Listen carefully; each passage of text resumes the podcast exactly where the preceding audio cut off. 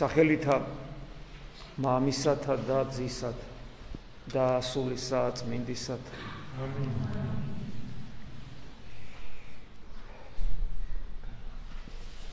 დიდებულია წმინდა წერილი. მარად ცოცხალი მარად ჩვენ სულში შემომაღწეველი. ყოველთვის გვასწავლის გვეხმარება შეგვეწევა და ყოველივე ამით თავად უფალი გვასწავლის. აი დღესაც კიდევ ერთხელ ეს ჩვენთვის ცნობილი სიუჟეტი სახარების რომელსაც რომელიც მარკოს מחარებელთან აღმოვიკითხეთ. რომელსაც ხშირად გვითხოვს ეს დიდარი ჭაბუკი რომელიც უფალს ეკითხება ბრძნულად რომ რა უნდა გავაკეთო იმისათვის რომ არადიული სიცოცხლე დავიმკვიდრო?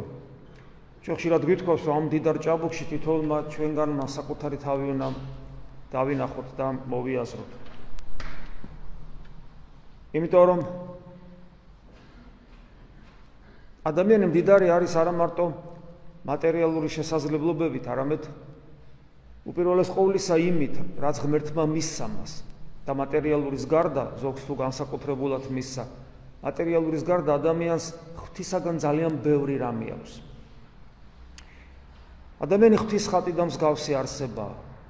ადამიანის შემოქმედია. ადამიანს არა ღვთაებ ღვთაებრივი გაგებით ახალ მცნებას რომ უწოდებს უფალი მაგრამ მიწიერი გაგებით მას ზალუს სიყვარული სიკეთის ქმნა შემოქმედებითობა. მას ზალუს თავგანწირვა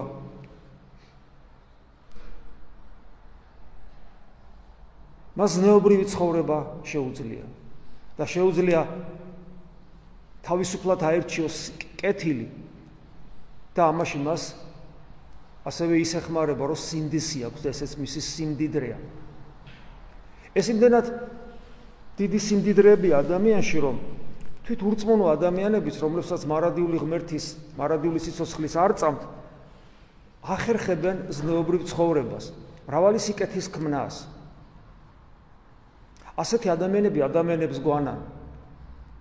ასეთი ადამიანები შეიძლება იყვნენ ურწმუნონი და შეიძლება იყვნენ მორწმუნენი. მაგრამ მათი რწმენაცა და ურწმუნოებაც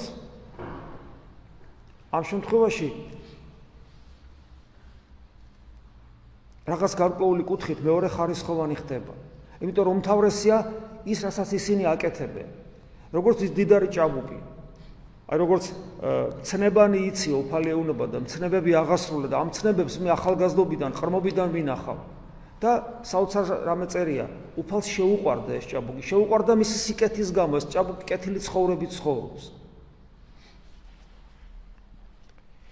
ადამიანი შეიძლება რელიგიური ადამიანი რელიგიურიც იყოს მაგრამ მარადიული სიცოცხლის მაინდა-მაინც არ ჯეროდეს ამაზე ჩვენ ხშირად გვისაუბრია.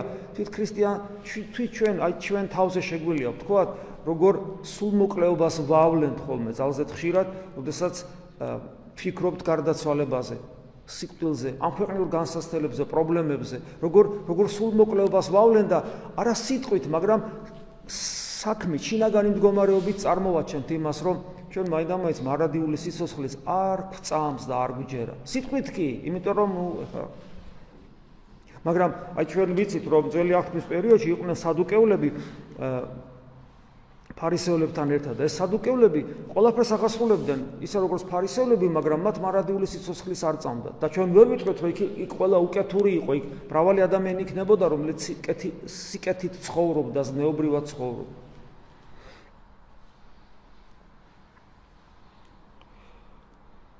და აი ადამიანი არის მდიდარი ამ ყოველივეთი.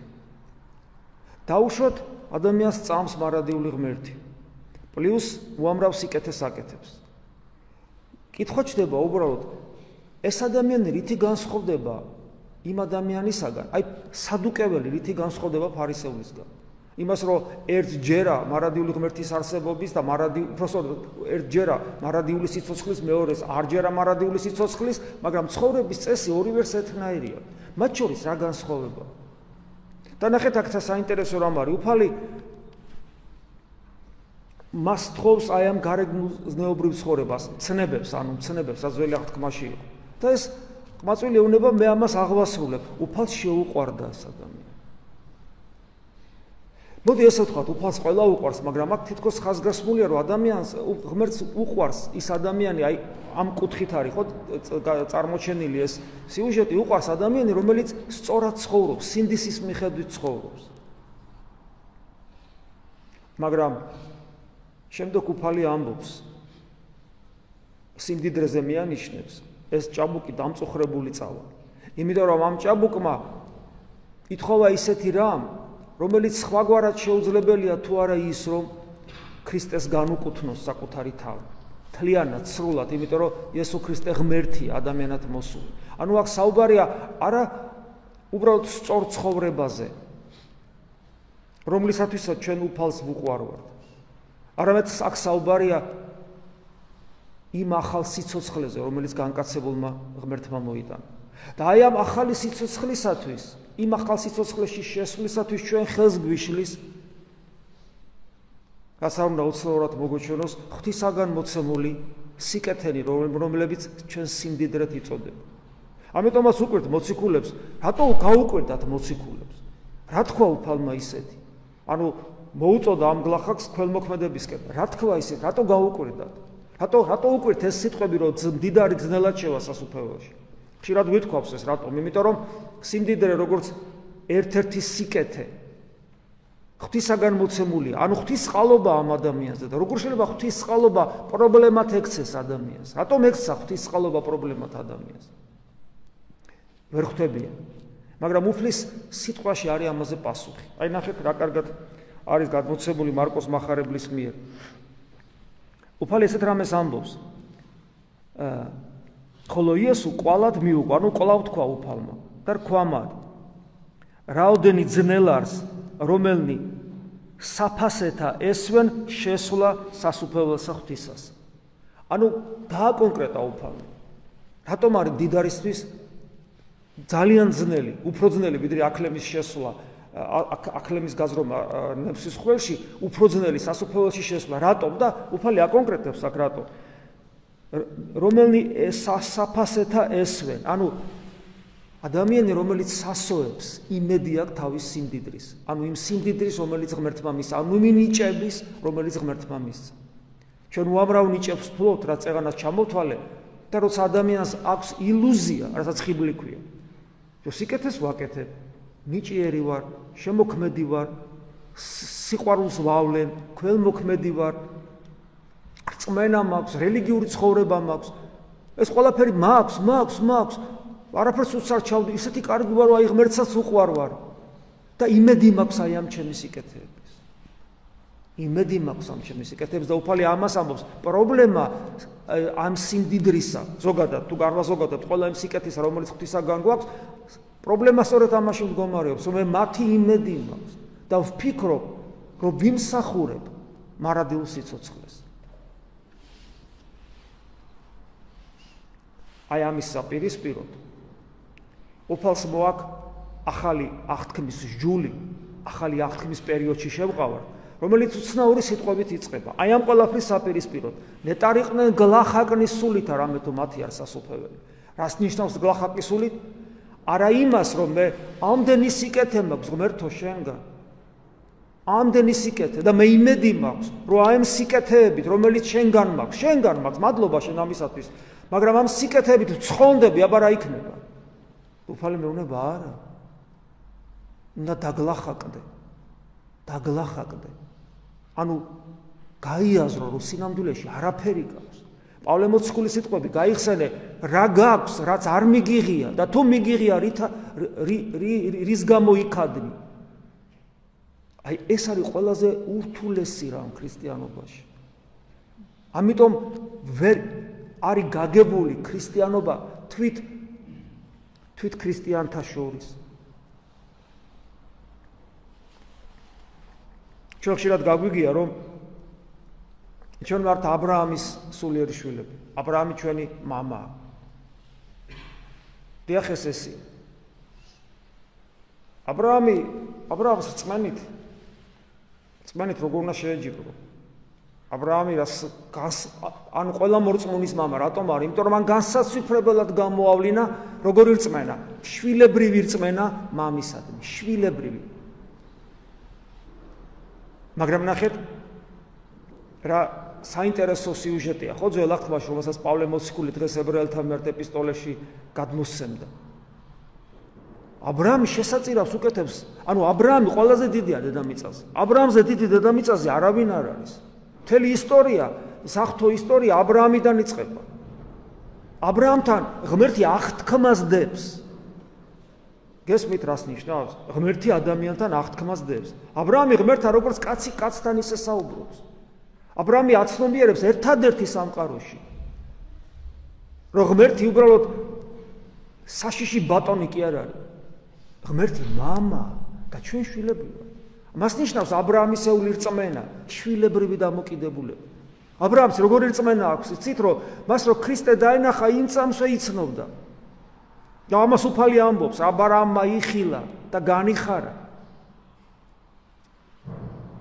და უცებ ხედავთ უცნაურ რაღაცას. აბრაამი შესაწირავს უკეთებს მელქისედეკს, მშვიდობის მეფეს. ვინ არის მშვიდობის მეფე? არც წარმომავლობა ჩანს. არც არც ეს ქვეყანა სად არის ანუ აბსოლუტურად პავლე მოციქული მე საინტერესოდ ამბობს რომ ესე იგი არც დედა არც мама არც გვარი არაფერია უცებ გაჩნდა და მე იმეთომაც ამბობს მე ფსალმუნე შეხარ მღდელ უკუნისამდე წესსას მას ზედა მელქისედეკის ანუ როცა ის წინასწარმეტყველებს დავით მე ფსალმუნე განკაცებულ ღმერთზე მას ეუბნება რომ შენ მღდელი ხარ განკაცებულ ღმერთზე ამბობს ოღონ აარონის წესი არა აარონის წესზე რომელიც ა ブラ ამის შემდგომ პერიოდში მოსეზმა აარონი იცი ა ブラ ამიდან გამოსულია ეს ყველაფერი ა ブラ ამიდან გამოდის მღვდლობა ლევიტელთა დასი მღვდლობა ა ブラ ამშია ეს ყველაფერი ა ブラ ამსთან არის აღთქმა დადებული მაგრამ არა სხვა მღვდლობა არა აარონის ლევიტელთა მღვდლობა ა ブラ ამისეული მღვდლობა არამედ მელქისედეკის წესის ღლობა, რომელიც არავინ არ იცის ვინ არის. არის სხვადასხვა ღვთისმეტყველთა საუბრები იმის შესახებ თუ მის შეიძლება ყოფილიყო, ახლა ამას არ ვეხებით, თავარი ეს არ არის. თავარი აქ ის არის, რომ თელი ჩვენი რწმენა და კეთილშობილება, რომლის საზომიც ა ブラ ამია, ხო ამ შემთხვევაში ყველა მორწმუნის мама არაფერი იქნებოდა თუ არ გვექნება განკაცებულ ღმერთის წინაშე თუ არ მივიტანდით ყველაფერს ამას და თუ განკაცებულ ღმერთის წინაშე არ შევწირავდით ამას. იმიტომ რომ ეს ჩემი არ არის მისია, ამიტომაც ამბობს აი ბღდელი როცა ხშირად გვითხოვს ეს სიტყვები, შენი შენთაგან, შენ და შენ წირველი, რომელსაც ეხლაც ვიტყვით, თუ ფალიფშიგობით მიგიყვანს წირვის უმაღლეს ადგილამდე. შენი შენთაგან, შენ და შენ წირველი, ეს არის ახალი აღთქმის სული. რაც მაქვს, შენგან მაქვს, შენთვისვე შემიწირავს ბოლომდე. და ნეტარიყვენ გლახაკნის სულითა ეს ეს ეს საოცარი სიტყვები რომელიც აბსოლუტურად მისი გააზრება შეუძლებელია პრაქტიკაში აი ამ აი ამ დროს ვლინდება ყველაზე მეტად. აი ამ საიდუმლოებაში შენი შენთაგან შენ და შემწირველი. ჩვენ აქ ვდგავართ ჩვენ ვისმენთ ჩვენ გულს ვაყოლებთ მე ჩვენ ჩვენი ცოდვების და მიუხედავად მოვდივარ და ვეზიარებით. და ხა ჩემ თავს ვიტყვი და ვაი შენ თეოდორე აქედან რო გადიხარ და ამ სიტყვებს ივიწყებ კიდევაც და პრაქტიკაში რომ რომ უნდა განახორციელო ეს საერთოდ არ გახსოვს. ის რომ შენი შენთაგან შენ და შენ წირველი რომ შენ არაფერი გაქვს რაც გაქვს ყველაფერი მიღებული გაქვს. არანაირი სიმდიდრე არანაირი სიკეთე აბსოლუტურად არაფერი. ყველაფერი ღვთისგან არის და ღმერთს უნდა დაუბრუნო. აი ღმერთს უბრუნებ ამას ერთ-ერთი ღვთისმოწყალე ამბობს მე თითქოს ღმერთი ვალდებული ხდება რომ გაცხონოს და გაცხონოს რას ნიშნავს საჩუქარი კი არ მოგცეს არა თავის შვილად გაქციოს ღმერთი გაგხადოს ანუ საჩუქარი კი არ მოგცეს თავის თავის სრულად მოგცეს როგორც უძღებშულს უფროსულს შეუნება мама ყველაფერი ჩემი შენია შვილი და ჩვენში იცით რა რეალიზდება, როცა უფალი ესაუბრება ზეციურ მამას იონეს ახარებაში ჩემი ყოველივე შენი არს და შენი ჩემი არს აი ეს აი ჩემი შენი არს და შენი ჩემი არს ესე იგი ეს დიალოგი ყოვლადწმინდა სამების პირთა შორის. იგავური სახით უძღებიშვილის იგავში გადმოცემული ჩემი ყველაფერი შენია შულო აი ჩემი ყველაფერი რაც შენგან მაქვს შენთვისვე მომიძღვნია უფალო და კიდევ ერთხელ ვიმეორებ.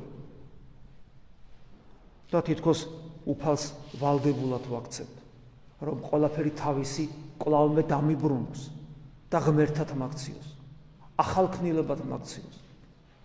აი ამის გაგება არის არსი დრიტა ქრისტიანობის. ამიტომაც უჭირთ ქრისტიანად ყოფნა. ამიტომაც იმიტომ რომ ასე დროს ადამიანი არც მეტი, არც ნაკლები თავად ქრისტეს უნდა გავდეს. ამიტომ შეუძლებელი ადამიანი არ იყოს სულით მდუღარე. სულით მდუღარება ერთეულთა ხვედრი არ არის. სულით მდუღარება პროცესს ნიშნავს და ეს არ შეიძლება რომ ერთეულთა ხვედრი იყოს, იმიტომ რომ პროცესი თუ გაჩერდა, ეს ნიშნავს რომ შენ აღარ იზრდები ქრისტესკენ. რა გავხარ უკვე ქრისტეს? არ გავარ და ხო და თუ არ გავარ პროცესი რატო გაჩერდა? და თუ პროცესია მაშინ მდუღარება უნდა იყოს და თუ მდუღარება სად ჩანს სად მეტყობა? რაში მეტყობა?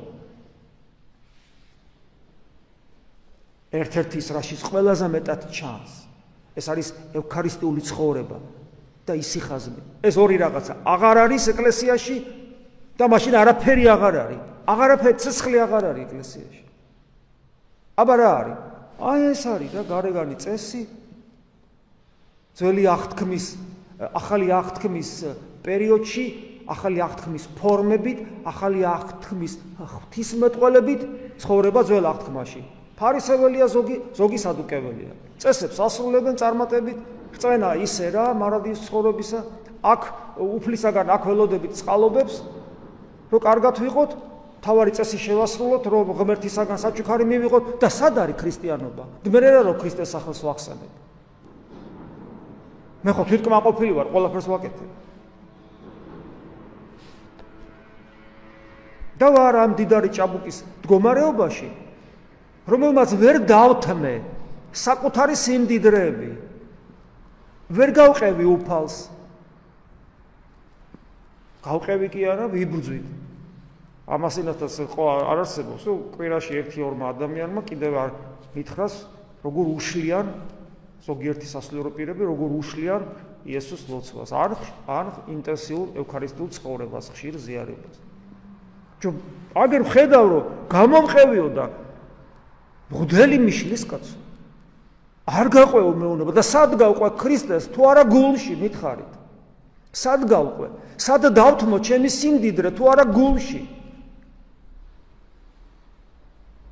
და ამას მიგძალა? თამაშენ მაშინ ქრისტეს ოდელი ხარ? და ვინ ახარ საერთოდ?